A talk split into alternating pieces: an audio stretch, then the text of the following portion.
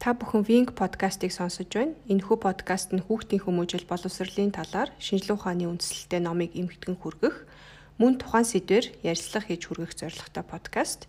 Бидний ураа бол Монголын ирээдүй хүүхдийн хөгжил. За, сайн байцгаана уу? Манай подкастын маань дараагийн дугаар буюу 18 дугаар дугаар маань насан туршдаа чөлөөтэй гадаад хэлээр ярьж сурах тухай одоо зохиолч Габриэл Вайнерийн бичсэн номыг сонгосон байгаа. За, юуны өмнө халуунаас яаж гадаад хэл сурдаг вэ гэдэг асуултыг асуумаар байна. Миний туршлага юм аа тий. Тий. Англи хэлийг болохоор ер нь бол курсээр л сурсан юм байна да. Курсээр нөгөө анхан шатныхаа суурийг тавиад тэгээ цааш нь өөрөө одоо үгийн сангаа баяжуулаад ном уншаад ер нь бол тэгжил сурсан. Аха би ч гэсэн бас эхлээд словоор дэж биччихээ дараа нь ингээд сонсдог ч юм уу те тийм байдлаар ер нь Монголд чинь тэгж хичээл явдаг шүү дээ. Ер нь бол орчуулж сурдаг те. Дандаа орчуулж сурдаг. Үгээ орчуулж нөгөө нэг бичдэг те. Тэгээд э, гисэн хэдий боловч ер нь сэтгэл ханамж бас багтаал явдаг. Тэгээд энэ номыг уншсан чинь их гоё санагдаад ер нь хүүхдүүдтэй одоо гадаад хэл сурахт нь энэ аргыг энэ зохиолчийн санал болгосон аргыг одоо зааж зөвлөжөөл зүгээр юм болов уу гэж бодоод тэгээд энэ удаагийн номыг сонгосон байгаа тийм ээ. Аа. За зохиолч маань болохоор Габриэл Вайнер гээд дуучин хүн байгаа. 32 наснда 6 хэлээр чөлөөтэй ярьж ойлголцдог болчихсон байсан. Энэ 6 хэлээ сургуульд байхдаа сураагүй а харин насанд хүрсэн хойноо те сургуулаа төгсөөд сурж эхэлсэн байгаа. Тэгээд энэ хэлнүүдийг сурж байхдаа те тухайн хэлийг сурах гал тусдан цаг гаргаал тухайн оронд нь очиод тэгсэн биш харин а ерөөсөө өөрөө дуучны сургууль сурж исэн учраас тэр завгүй амьдралынхаа туршид одоо өглөө нийтийн тээвэрт сууж байхдаа үгээ цэжлэх ч юм уу тийм аргаар энгийн арга интернетээр үнгүй их сурвалж ашиглаж ингээд сурсан байгаа тийм. Гэтэл гадаад хэл сурахад маш их цээжлэх хөх дүүрэн байдаг болохоор их хүндрэлтэй гэж бид нар боддог. Тэгээ шинээр нэг үг сураал те хоёрыг нь мартаал те тэгэл явж явах тундаа хідэн ч үг чэжлээд байгаа хідэн ч үг одоо мартаад байгаа нь тэр нь бүр одоо замбрааг болж эхэлдэг. Тийм болохоор зохиолч маань энэ номоор өөрийнхөө те хийс орсон аргыг танилцуулж байгаа юм байна. А зохиолч маань нэг хөвгтөө явдлаас болж хилээ сурах аргаа олж авсан байгаа. Тэр оюутан байхдаа Франц хэл үзэх үзэх болсон. Тэгээ сургуульд нь Франц хэлний анхан шат, хуурамч анхан шат, дунд шат, агсан шат а за бараг чөлөөтэй ярьж ойлголцдог шат За ном маань ерөөхдөө 6 хэсэгтэй байгаа. Эхний хэсэг нь болохоор ном э, зохиолч маань өөрийгөө өөрийнхөө гадаад хэлийг яаж сурвал зохих вэ гэсэн одоо танилцуулга маягийн байгаа. Хоёрдугаар хэсэг нь болохоор марталтыг зогсоох 5 зарчим гэдэг. Гуравдугаар хэсэг нь болохоор авиа зүйн талаар, дөрөвдүгээр нь одоо үгийн талаар, тавдугаарх нь болохоор дөрмийн талаар ингээд яриад явнаа. Тэгээ аль нотоор ээлжлээ ярина. За эхний бүлэгтээ болохоор зохиолч маань хөвгтөө явдлаас болоод тэ хэлийг яаж хурдан сурах вэ гэдэг арга барилыг суралцж эхэлсэн. Яасан гэхээр мань хүн оюутан байхдаа Франц хэл үзэх хэрэгтэй болсон. Тэгээд мань хүн болохоор одоо Франц хэлний романс гэдэг шүү дээ. Хайрын үг хэлхийг бол үзсэн байсан. Тийм болохоор анхан шатны ангид орохыг хүсээгүй. Тэгээд шалгалтын дээрээ ерөөхдөө хуулчихдаг тий. Тэгээ хуулаа хийсэн чинь маань хүн шууд дунд чатны ангид тэнцээ хийдэг аахгүй юу. Тэгээ дунд чатныхаа ангийг төгсгийн тулд маань хүн одоо 45 хоногийн дараа за яг Франц хүнтэй суугаад одоо 15 минут ярилцлаганд орох хэрэгтэй болдог. Тэгээ За дунд чадда давхын тулд мань хүн бол шууд эхлэхгүй тэг Google дэж үзсэн. Яаж одоо гадаад хэлийг хурдан сурах вэ гэдгсэн хэлнүүдээ ч гэсэн энэ арга хэрэглэж сурсан байгаа. Тэг мань хүний зөвлөж байгаа арга нь болохоор эхлээд дуудлагыг нь сурах хэрэгтэй те яаж үгийг хэлж байгааг Аа бас тухайн үгийг сурж байхдаа орчуулахгүй байх хэрэгтэй. Үгийг ч юм уу, дөрмийг ч юм уу те гадаад хэлний нэг юмыг суурчаад хэсэг хугацааны дараа дахиж давтах те. Шууд маргааш нь давтаад эхлэхгүй те. Тэгээ мань хүн бол яг энэ арга хэрэглээд 45 хоногийн дотор 10 ном уншаад 70 хуудас эсэ бичээд үгийн баялаг нь бол 4500 хүрсэн байсан. Бас л дахиад одоо хамгийн дээд чат буюу чөлөөтэй ярьдаг гэдэг анги руу орцсон байгаа тийм. За тэгээ гадаад хэлээр чөлөөтэй ярина гэхээр одоо хүмүүст янз бүрийн ойлголт байдаг тийм. А чөлөөтэй гэдэг нь болохоор одоо тухайн хүндээ хоолны газар ороод зүгээр хоолоо захиалаад идэх юм уу эсвэл улс төрийн төвшөнд ингээ ярих юм уу уран зохиолын хэмжээнд ярих юм уу эсвэл нөгөө физик те шинжлэх ухааны нарийн төвөгтэй асуудлыг ярих юм уу гэдгийгээ бид нар ер нь хэл сурч эхлэхээс өмнө шийдсэн байхыг зохиолч маань зөвлөж байгаа. Зохиолч маань болохоор гадаад хэл сурахыг одоо хэцүү гэж ерөөсөө боддоггүй байгаа. А харин одоо бид нар бол монгол хэлээр ярьдаг те англи хэлээр ярьдаг хүмүүсийн хувьд бол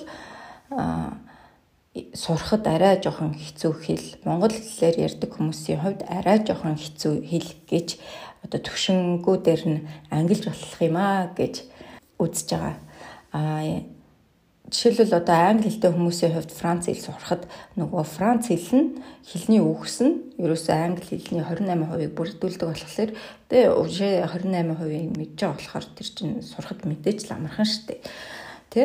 Америкийн гадаад хэл сургалтын институтээс болохоор үүнтэй адилханаар тухайн англи хэлтэй хүмүүсийг сурахад нөгөө нэг амар хэл хэцүү хэлгээ гадаад хэлнүүдийг ангилсан байдаг юм байна л да.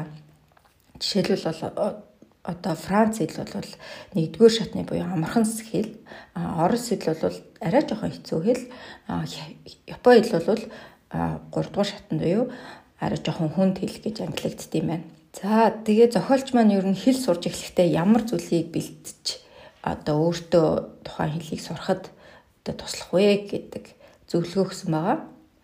Тэгэхээр тухайн хэлээрээ одоо унших ном байвал зүгээр байт юм байна. Бас дөрмийн ном дөрмийн номоо сонгохдоо илүү наривчлан айгу сайн зөв сонгох хэрэгтэй. Яагаад гэвэл амар дэлгэрэнгүй заавартай ном бол анхтлан сурж байгаа хүмүүс жоохон хүндрэлтэй. А сургуулийн сурах ч болохоор багш нарыг тайлбарлаад өгчнө гэж жоохон тайлбар багтай байт юм байна.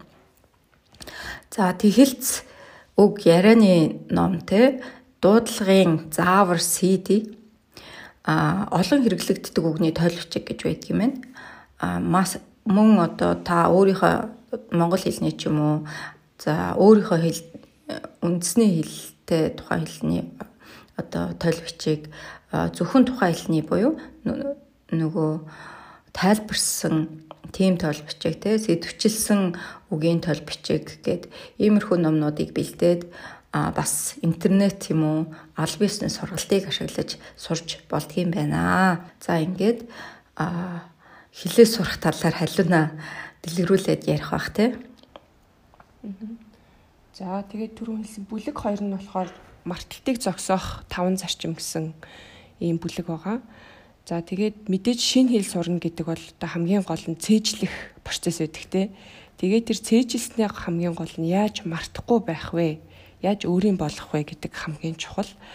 За тэгэхээр энэ бүлэг нь болохоор тэр марталтыг зогсоодог таван зарчмыг зохиолч маань танилцуулж байгаа. За нэгдүгээрх нь болохоор ой санамжаа илүү юм тогтоодог болгох гэсэн байна. За энэ болохоор энэ дээр нэг сонирхолтой судалгаа өгүүлсэн нь болохоор хүн амьтан юмыг одоо яаж тогтоодог талаар мэдхийн тулд хархан дээр нэг туршилт хийж үзчихлээ. Тэгээд э, одоо нөгөө хархны үүрлүгээ явдаг замыг нь мартуулахын тулд тархины хэсгээс нь ингээд эсэс нь нэг хэсгийг авч үтсэн маа. Тэгсэн чинь ингээл харах үүрээ нөгөө олоод очиодсэн. Тэгэл яагаад мартахгүй юм бол гэж дахиад нэг хэсгийг ингээл арай томхон хэсгийг аваад гítэл харах харахны одоо нөгөө үүрээ олох тэр явц нь удааширсан болохоос биш ерөөсөө ор тас нөгөө нэг үүрээ ингээд олж чадахгүй байгаагүй. Аа тэгээд эндээс ер нь бол хүн тий юмыг тогтоохдоо энэ урт хугацааны нөгөө ой санамжинда юмыг тогтоохдоо а тархиныхаа зөвхөн эсийн тусламжтайгаар биш мэдрэлийнхаа эсийн тусламжтайгаар одоо юмыг тогтоож цээжилт юм байна гэсэн юм дүнэлтэндээ судлаачд маань хүрсэн байгаа. За нөгөө мэдрэлийн эс гэхээр чи нөгөө а одоо тархины эсээс салаалаад одоо хүл гарын үзүр хүртлэх одоо бидний бүх нөгөө нэг 5 метр хүү гэж ярьдаг те тэр одоо нөгөө мэдрэлийн эсүүдийг хилж байгаа. За энэ мэдрэлийн эсийг нь ингээд сунгаа тавих юм бол бүр 150 км хүрдэг гэж байгаа байхгүй. Оо ямар амар. Тэгэхээр ер нь бол Тэгэхээр ер нь бол тэг хүн амьтаг ямарваа нэгэн юмыг сурахтаа тархины эсийн тусламжтайгаар биш мэдрэлийн эсийн тусламжтайгаар тогтоодгоо гэсэн юм төгөлтөнд төрсэн судалгаа. Тэгэхээр ер нь бол хэлийг сурахтаа нөгөө үнэрлэх, хамтлах, сонсох те ингээл нөгөө барьж үзэх тэгээ одоо сэтгэл хөдлөх гих мэт юм бүх мэдрэхүүн тусламжтайгаар хэрвээ тухайн үгийг цээжлэх юм бол ер нь бол мартагддаггүй гэсэн үг юм байна л да. За тэгээ хоёрдугаар зарчим нь болохоор залхуурах гэж байгаа. А залхуурах гэдгийг ер нь бол залхуу хүмүүснийг бас нэг амар санаа сэддэг мэддэг гэл залхуу хүмүүс илүү үр ашигтай ажилдаг гэдэг нэг тиймэрхүү юмуд байдаг шүү дээ тий. Яг тэрэн шиг одоо яг цээжлэх гэж байгаа ч юм уу дүрм ч юм уу өгүүлбэр ч юм уу тэрнийхээ ингээд нэг гол утга учирыг нь ойлгочих юм бол аа ингээл баахан хэрэггүй юм цээжилж ирснаас илүү одоо ингээ голыг нь ойлгоцсон зүйл маань урт хугацааны ой санамжинд хадгалагдаад арай нөгөө мартагдах нь удаан байдгаа гэсэн ийм санаа байгаа. За тэгээд 3 дугаар зарчим нь болохоор давтагт одоо давтахгүй те харин тухайн үгээ ч юм уу өгүүлбэрээ ч юм уу дүрмээ ч юм уу эргэн санах гэсэн ийм зарчим байгаа.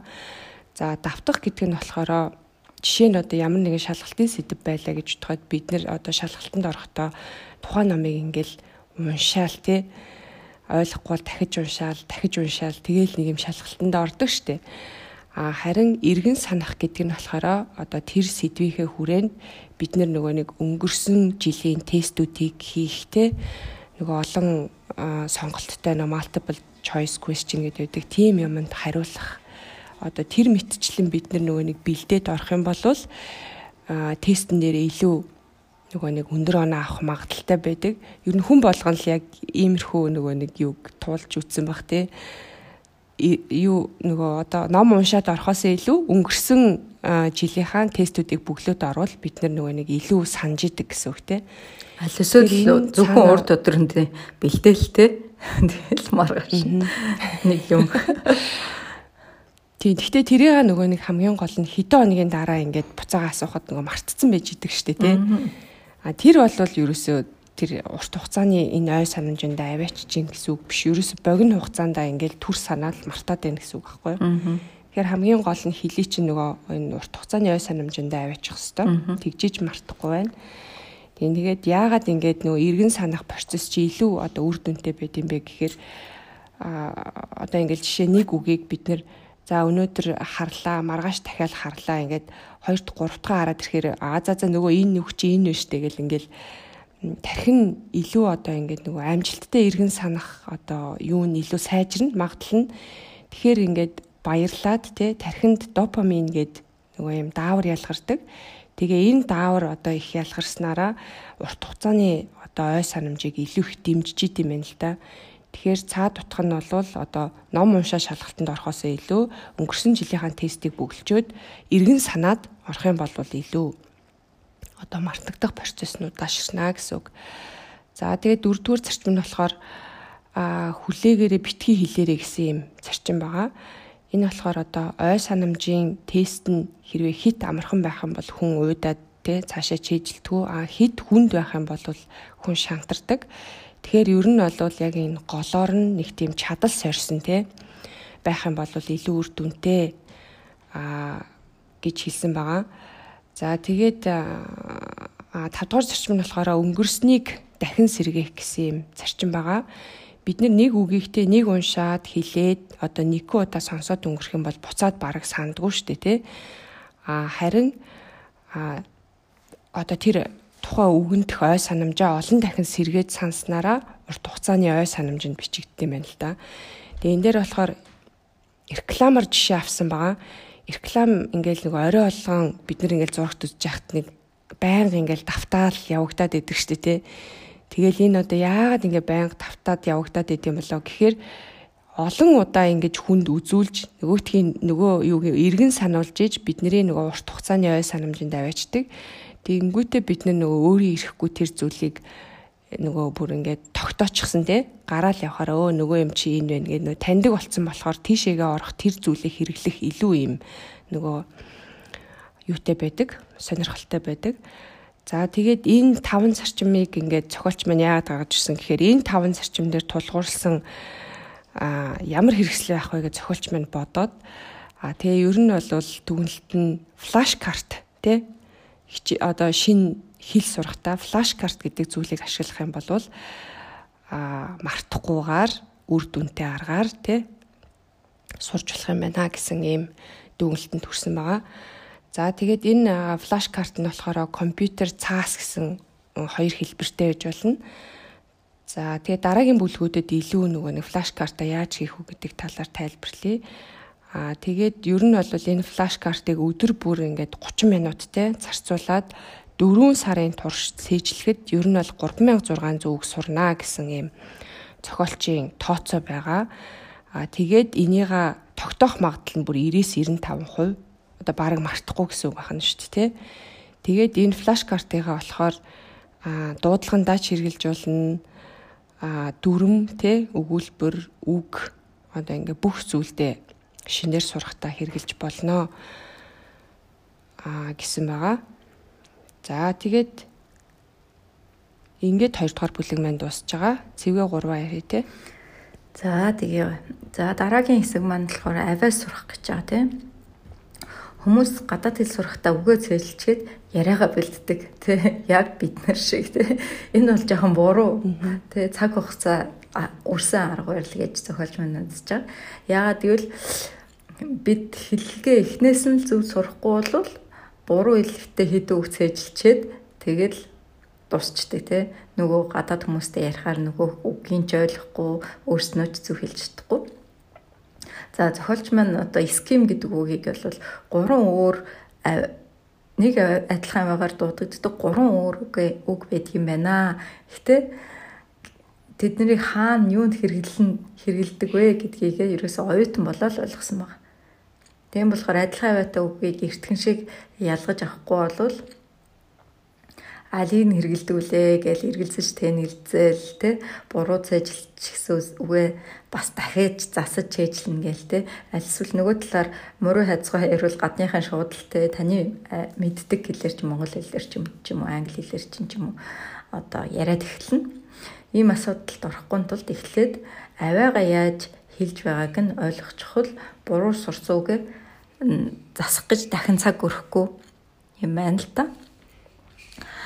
За сонсож байгаа авиагаа уншиж байгаа үгтэйгээ холбож чадах юм бол бас хэл сурах үйл явц маань илүү хурдан одоо хүний чихэнд сууж өгдөг юм байна. За авиа одоо цээжлэхийн тулд сурахын тулд зохиолч маань одоо гурван одоо үе шатыг санал болгож байгаа. Эхлээд авиагаа сайн сонсож сурах. А дараа нь а авиагаа яаж хэлж байгааг нь сурах тий.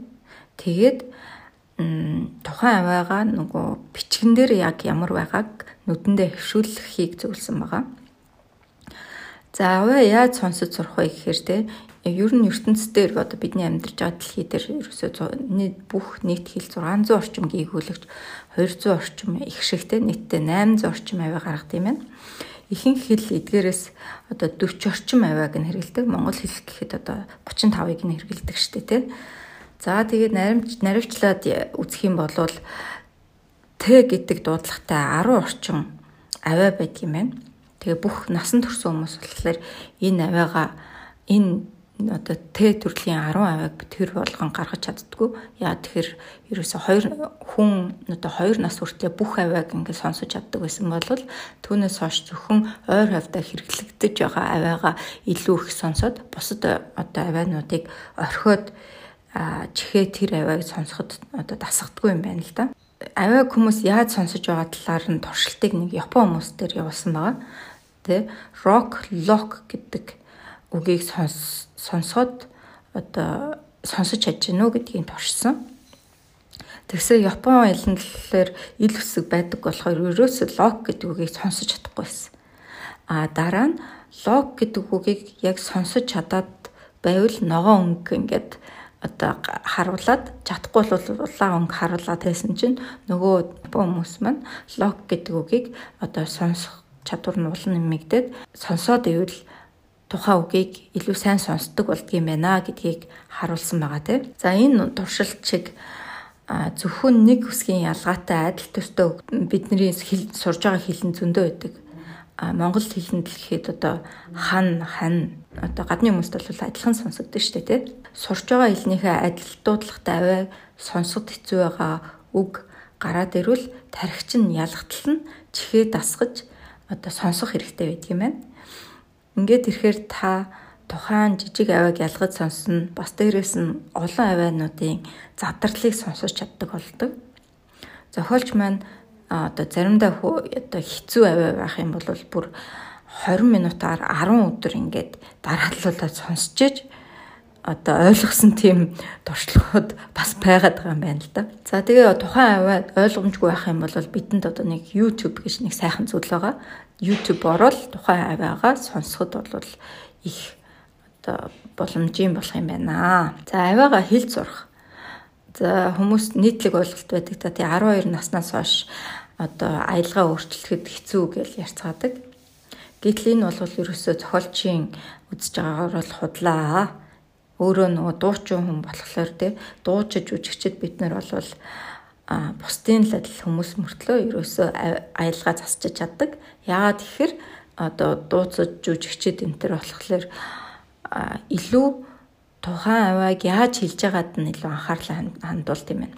Бид нар яагаад одоо тэрүүн анхаарал хандуулж чадахгүй байна гэхээр нөгөө үгийг чинь авааг гаргахад амны доторх одоо бидэнд харагдахгүй байгаа хэсгүүд ингээд хэрэгэлдэг.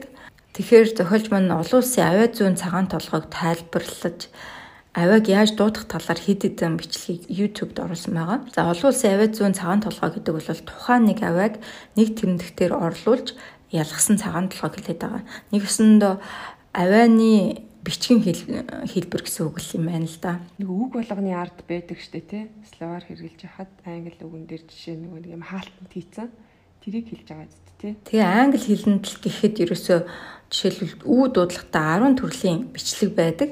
Тэдгээрээ бүгдийг нь одоо тэр дуудлагыг нь яаж өөр сонсогдож гин гэдгийг л эхлээд яах нь шүү дээ тий. Ерөнхийдөө бол аваа гарах юм тулд бол хэл, уруул одоо дууны хөвч гэхүүдээ тий энэ гурав оролцдог. Дуу гаргадаг хөвч нь одоо хаалттай, нээлттэй, уруул нь цорвож гэнэ үү, хаагдж гэнэ үү, хилэн амныхаа яг аль хэсэгт байрлаж байна вэ гэдгээсээ хамаарч нөө авианууд янз бүрийн өөр өөр гардгийм байна л да. За тэгээ сонссон авиагаа хиллэгтэйгээ нийцүүлээд байхад хэл сурахад амархан болол явчдсан байна. За бүр нэг амар хэцүү нөө хэлэхэд хэцүү үгнүүд байдаг штэ тий. Тийм үгнүүдийг олвол одоо артлаас нь нэг нэг үсгийг нэмэгдүүлээд хэлээд байвал тухайн үгээ ингээ хэлэхэд арай амар болдог шүү гэд одоо Орсын строгно гэдэг үгийг жишээ болгон авсан байгаа. Энэ үгийг уншихдаа эхлээл нүү гээл те.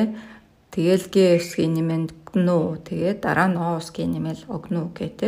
Тэгж явсаар хагаад хиллээ бүрэн цээжил дуусахад одоо зөв дуудаж сурдгийм байна. Нүдэ дасах талаар дараа нь ярьж байгаа. Одоо ямар дуу гаргах гэж байгаагаа бид одоо яаж мэдгэлээ мэдээж бичгийн одоо хилээ ашиглаж ээж мэдэн штэ тий Тэгээ сурч байгаа гадаад хэлнийхээ үеийг сайн сурах сурах гэх юм бол тухайн авианы тухай аль болох их судлвал хамгийн амархан богино хугацаанд сурна. Түрүүн халуунаг ярьсан шиг тий. Жишээлбэл үү буюу тухайн нэг авиа ямар үгэнд орж байна, хаана бичиж байна гэдгийг сайн судлах. Тухайн үгний холбоог нь ойлгох, флаш карта маш сайн хийх. Энэ хэсгийг нь алгасчих юм бол дуудлага маань цэжлэгддэггүй байна. Хэрвээ авиан танд танил биш бол яаж үсэглэх, амны хөдөлгөөн нь яаж вэ? Бусад авиануудаа яаж нэгдэж байна гэдгийг бүгдийг судлах. цаг гаргаал тий. За авиагаа сурч эхлэхдээ дөрмийн CD-тэй ном ашиглаж болно. Номоо үзэхдээ за бид нар шиг эхлээл дөрмөө үзэл шинэ үгээ цэжлэл эхлэхгүй харин зөвхөн одоо яриатай хэсгийг нь CD-гээр нь сонсоод тэр хэсгийг нь сая тайлбарсан одоо дээр тайлбарсан аргаар суралцаарай гэж зохиолч маань зөвлөж байгаа юм байна. За ингээд дараагийн хэсэгт орох байлаа. За тэгээд бүлэг дөрвөлөгөө оръё. А бүлэг дөрв дөрв маань үгээр тоглох гэсэн ийм бүлэг байгаа. За тэгээ түрүү нөгөө нэг флаш карт хийн гэсэн те эхлээд нөгөө флаш картаа яаж хийх талаар нөгөө товч юм тайлбар хэлье.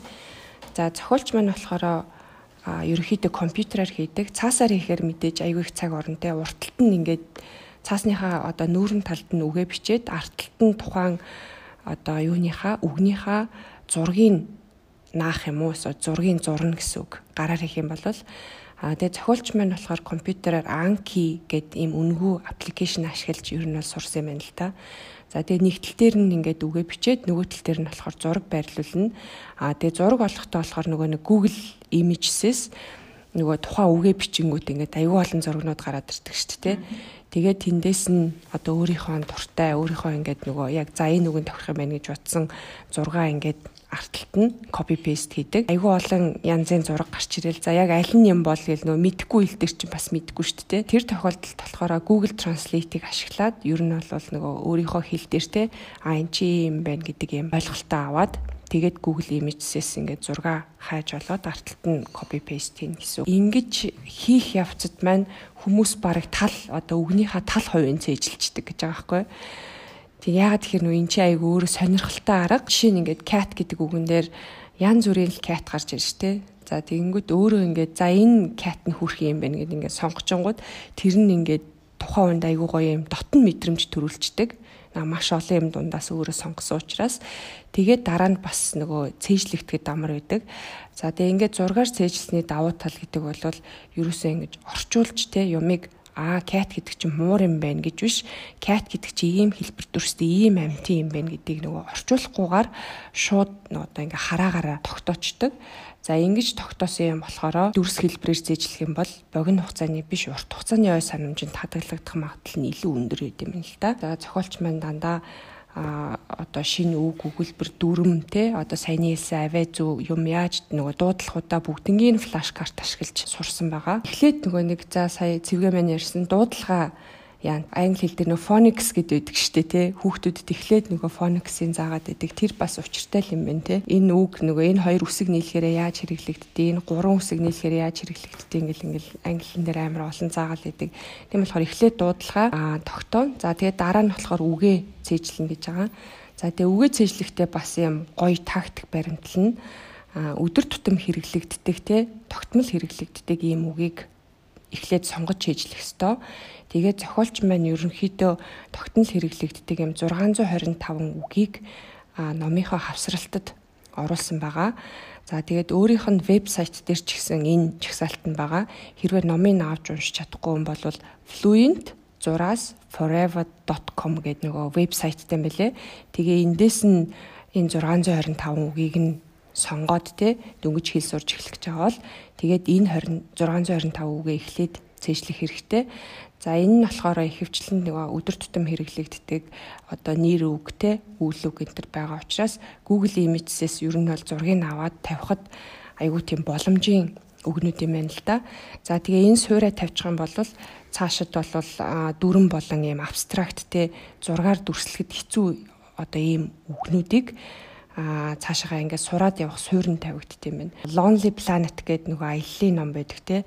Тэндээс өдөр тутмын нөгөө нэг одоо жишээ нь гадаад оронд очихороо бид нэр за хамгийн эхлээл хоолоо олж идэх болно те. Тэгээ ресторанд ороод яаж хоолоо захиалах уу гэх юм уу. Эсвэл хаашаа явхаа хүнээс яаж асуух уу гэх юм нөгөө нэг юм өдөр тутмын байнга хэрэглэх өгүүлбэр өгнүүдийн жагсаалт байдаг. Тэрийг бас нөгөө ашиглаад өгүүлбэр үгийг аваад флаш картн дээр хийгээд тэгээд зээжлэх юм бол бас их зүгээр гэж зөвлөсөн байгаа. Google Images-с зураг авахтаа бол нэг үгэн дээр ерөөсөө 10-аас 20 секунд зарцуулаарэ. Илүү зарцуулах юм бол хитрхи их цаг аваад тэгээд одоо өдөрт таны тухайн хил зарцуулах цаг чи ихсээд эхлэхээр ингээд сүүлдээ бүр консистент байж чадахгүй те залхаад бас бити их цаг зарцуулаарэ гэж зөвлөсөн байгаа. Тэгээ 625 үгээ зээжилсэн. Тэгээ бас нөгөө нэг зарим хэлний одоо нэр өгөөд маань хүүстэй байдаг шүү дээ те. Орс хэлэн дээр жишээ нь бид нар ир юм өгнүүдийг цээжлэх гээл те. Яаж одоо энэ хүүснүүдийг те цээжлэх вэ гэхээр жишээ нь одоо им хүүстэй үгийг цээжлэхдээ тухайн флаш картных нь бэкграундыг ягаанаар буддаг ч юм уу те эр үг нь болохоор цэнхрээр ч юм уу.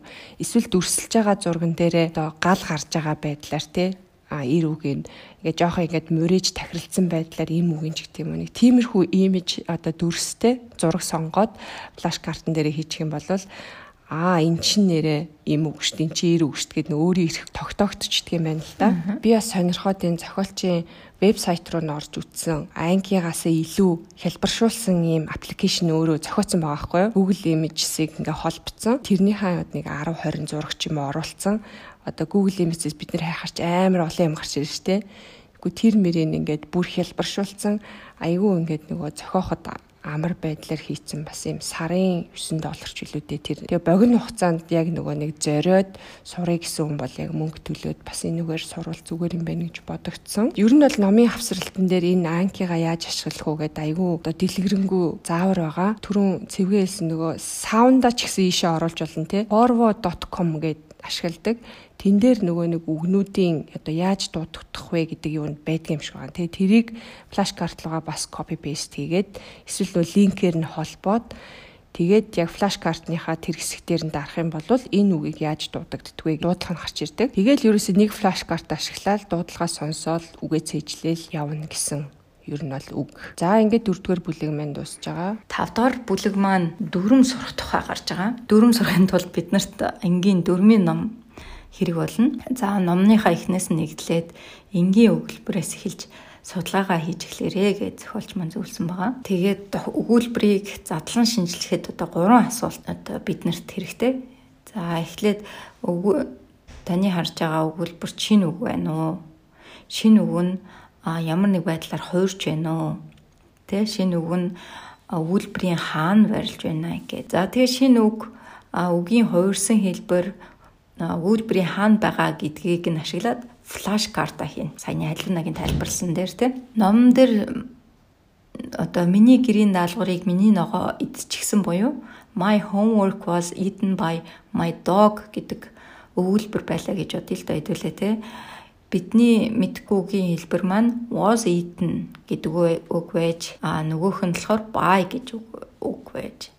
А тэгэхээр энэ өгүүлбэрээс гурван зүйлийг сурж болох нэ. Бай гэдэг одоо харж одоо абстракт те тайлбарлахад хэцүү хийсвэр үг сурыг. А эхлээд бид нэр тойл бичгээсээ харна те. Тойл бичгээсээ харуул хэв шинжийн үйлдэгдэх хэв шинжийн өгүүлбэрт ашиглагддаг ухтур үг байгаа те. Өгүүлбэрээс сурах зүйл бол энэ зүгээр ухтур аа гэдгийг л ойлгох нь шүү дээ тий. А карта бэлтгэхдээ урд талд нь За my homework was eaten гэд за үлдээгээд my dog гэж үчичээд зургийг нь тавьчихна. Ард нь болохоор бүтэн зөв өгүүлбэрээ бичиж эхлээд хараад одоо халуунагийн дээр тайлбарлсан шиг ингээ recall хийх нь шүү дээ. Нэг хэсэг нь хоосон болохоор энэ ч юу байх вүлээ гэд тэгээд recall хийгээд одоо сандаг байх нэ тий. За хоёрдугаар зүйл нь eat гэдэг үгний хувиргалт буюу eaten гэдэг үгийг сурах гэж байгаа. Картныхаа урд талд нь болохоор eaten гэдэг үгээ гээгээд за тодруулах юм бол my homework was гэд за үлдээгээд by my dog гэж бичээд арт нь хаалтан дотор хувраагүй хэлбэр буюу to eat гэдэг үгээ биччихнэ. Та хоосон зааны оронд үгээ яаж хуургаж тавих дасгал болд юм байна. Тэгээ арталт нь мэдээж өөрөө санахгүй болвол засгаар одоо зөв өгүүлбэрээ бичих юм байна. За 3 дугаарх нь болохоор was eaten гэдэг нь өгүүлбэрийн яг хаана сурч байрлаж байгааг нь сурах юм байна. За my homework by my dog гэдэг was eaten гэдэг үгээ орхиод өгүүлбэрээ биччих юм байна. Тэгээд арт талд нь болохоор одоо was eaten гэдгийг хаалтан дотор хийгээд биччихнэ. Тэгэхээр was eaten гэдэг үг энэ үгнүүдийн яг хаана орохыг өөрөө recall хийгээд засахна. Арталт нь мэдээж зөв үйлрээ бичнэ. Ийм гурван төрлийн карт бэлдээд энэ өгүүлбэрээс гурван дүрмийг одоо сурж болох нэ. За тэгээд сурсан дүрмээ ашиглан өөрийнхөө сонирхолтой сэдвээр бичмээр байгаа сэдвэрээ үйлбэр зохиож чинь а хэрвээ хүсэх юм бол тухайн өгүүлбэрээ одоо native speaker-уудад тухайн орныхоо одоо ярьдаг хүмүүст өгч одоо засуулж болдог тийм вебсайтууд юм бэлээ. lang 6-аас 8cig.com буюу одоо ийшээ ороо бүртгүүлээд энэ үнгүй юм блэ. За 24-өөс 48 цагийн дотор засаад өгчдөг гэсэн. За тийм мэдээж бүр болохгүй бол багшаасаа асуун те. Google Translate ашиглаж болно. Гэх мэтчлэн ингээд дөрмөө сурах юм байна. За ингээд энэ хэсэг маань дуусчаа. За тэгээд сүүлийн бүлэг маань хэлээр тоглох буюу одоо language гэсэн юм бүлэг байгаа. За бид нар дуудлага цээжилсэн те үг өгүүлбэр дүрм гэсэн дараалал явцсан. За тэгээд цаашаа хилээ ямар төвшөнд ашиглах вэ гэдгээ шалтгаалаад одоо хин хэр гүнзгий сурах нь хүн болгон өөр байдаг шүү дээ тий. За тэгээд зохиолч маань ерөнхийдөө 5500 үг мэдж яхад ер нь тухайн хэлний 90% нь ойлгодог гэсэн байгаа. Тэгэхээр 5500 ч бас гайгүй сонсогдоод байгаа зү тий. 12500 үгтэй байхад тухайн хэлний 95% нь ойлгодог гэсэн Тэгэхээр одоо маш том зөрүү байгаа зү бүр 7000 үгийн зөрүү. Тэгэхээр 90% таа байх уу 95% таа байх уу гэдэг чинь бас өөрөө их сонирм болж байгаа юм л да.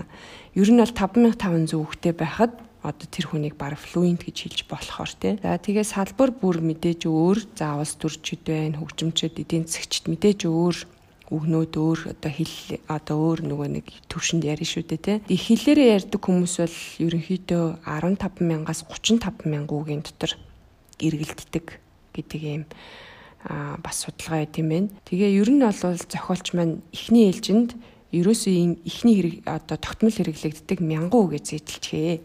А тэгээд дахиад нэг шатаа хий гэж бодох юм бол дахиад нэг мянган үг зэжилчих те. За ингээ 2000 үг зэжлээд суурэ тавьсан бол цаашдаа одоо өөрийнхөө хэрэгцээнд тохируулаад үгээ нэмээд цэжлээд явах хэрэгтэй. За тий би бодохдоо энэ ном маань илүү ийм нөгөө нэг анхан шат шатны хүмүүс зориулсан ном болов уу гэж бодож байгаа нь. Тэгээ цаашаа нөгөө гүнзгий дунд болоод явхаараа а бас яг Google Images юуг нь авч тавихад хэцүү тийм абстракт үгнүүд болоо явчих шүү дээ. Тэгээ абстракт үг жишээлбэл have гэдэг үгийг чэжлэхдээ бас нөгөө нэг орлуулад за тухайн зүйлийг авж байгаа юм байна гэдгээр нь гарны зураг тавиад ч юм уу те аль эсвэл зоригтой гэдэг үгийг цээжлэхийн тулд одоо Линкольны зургийг тавиад ч гэх юм уу нэг тиймэрхүү орлуулах байдлаар ингээд зургуудаа тавиарай гэ бас жишээ тавьсан байсан л да. Аа тэгээд бас нөгөө нэг хамгийн их зөвлөж байгаа юм болохоор флаш карта зөвхөн өөрөө игэр гэж байгаа байхгүй. Хүний хийсэн юм одоо нөгөө хүнд хоол болохгүй гэдэг шиг яг өөрөө хийгээд те а энэ чи ийм юм байна гэд тухайн үед толгой чинь тархич ингээд ажиллаж байгаа болохоор нөгөө цээжлэгдэхтэй айгу хурдан байдаг. Тэг хүний хийсэн юмар битээ ерөөсөө ингэж яарэ. Яагаад бид нөгөө нэг хэл сурдгуу шалтгаан чинь тэндээ байгаа шүү гэж зохиолч маань айгүй олон удаа баг бүлэг болгон дээр энийгээ хэлсэн байсан. За тэгээд нилээ одоо нөгөө ингээд 2000 3000 үгтэй болцсныхаа дараа одоо тухайн хэлийг тухайн хэлээр нь тайлбарлсан нөгөө нэг monolingual dictionary гэж байдаг шүү дээ. Тийм дикшнэри ашиглаарай. А тэгхийн болвол та жишээ өгүүлбэрийг хараад одоо дөрмөн ч гэсэн те дөрмчин ч гэсэн ингээд давхар сайжраад явдаг байгаа шүү гэдэг зөвлөсөн байгаа. За тэгээд мөн бас testyourvocab.com гээд энэ тест болохоор нөгөө нэг та англи хэл дээр үгсийн сан чин хэд ойролцоогоор хэд байна вэ гэж нөгөө нэг шалгадаг юм вебсайт. Яг англи хэллээ одоо нөгөө нэг яг хэд би ер нь үгсийн сан маань хэд байгаа юм бол цаашдаа би одоо яг ямар үг сурах хэвтан бол гэсэн ийм чиглэлээ авъя гэж бодсон хүмүүс бас энүүгээр тестийг бөглөөд үзвэл айгүй зүгээр юм билий. Би бас сонирхоод бөглөж үтсэн. Ерөөсө 5 минут л шаардсан. Тэгээд ойролцоогоор таны үгсийн сад тэд байна гэсэн юм юу гарч ирд юм бэлээ result. А вебсайтн дээр болохоор ингэж бичсэн байлээ. Би зүр сонирхуулаад яатсан авцсан. А 20 мянгаас 35 мянган үгийн сантай байд юм байна л да. Одоо яг тухайн хэлээр нөгөө нэг төрлөх төрлөх хэл нь яг нөгөө англи хэл гэсэн хүмүүс маань 20 мянгаас 35 мянган үгийн сантай байдаг. За тэгээд энэ тестийг бүгэлсэн гадаад хүмүүсийн ингээд юуг нь үзэнгүүт ерөнхийдөө 2500-аас 9000 үгийн сантай дунд чинь ийм байна гэсэн ийм судалгаа гарсан.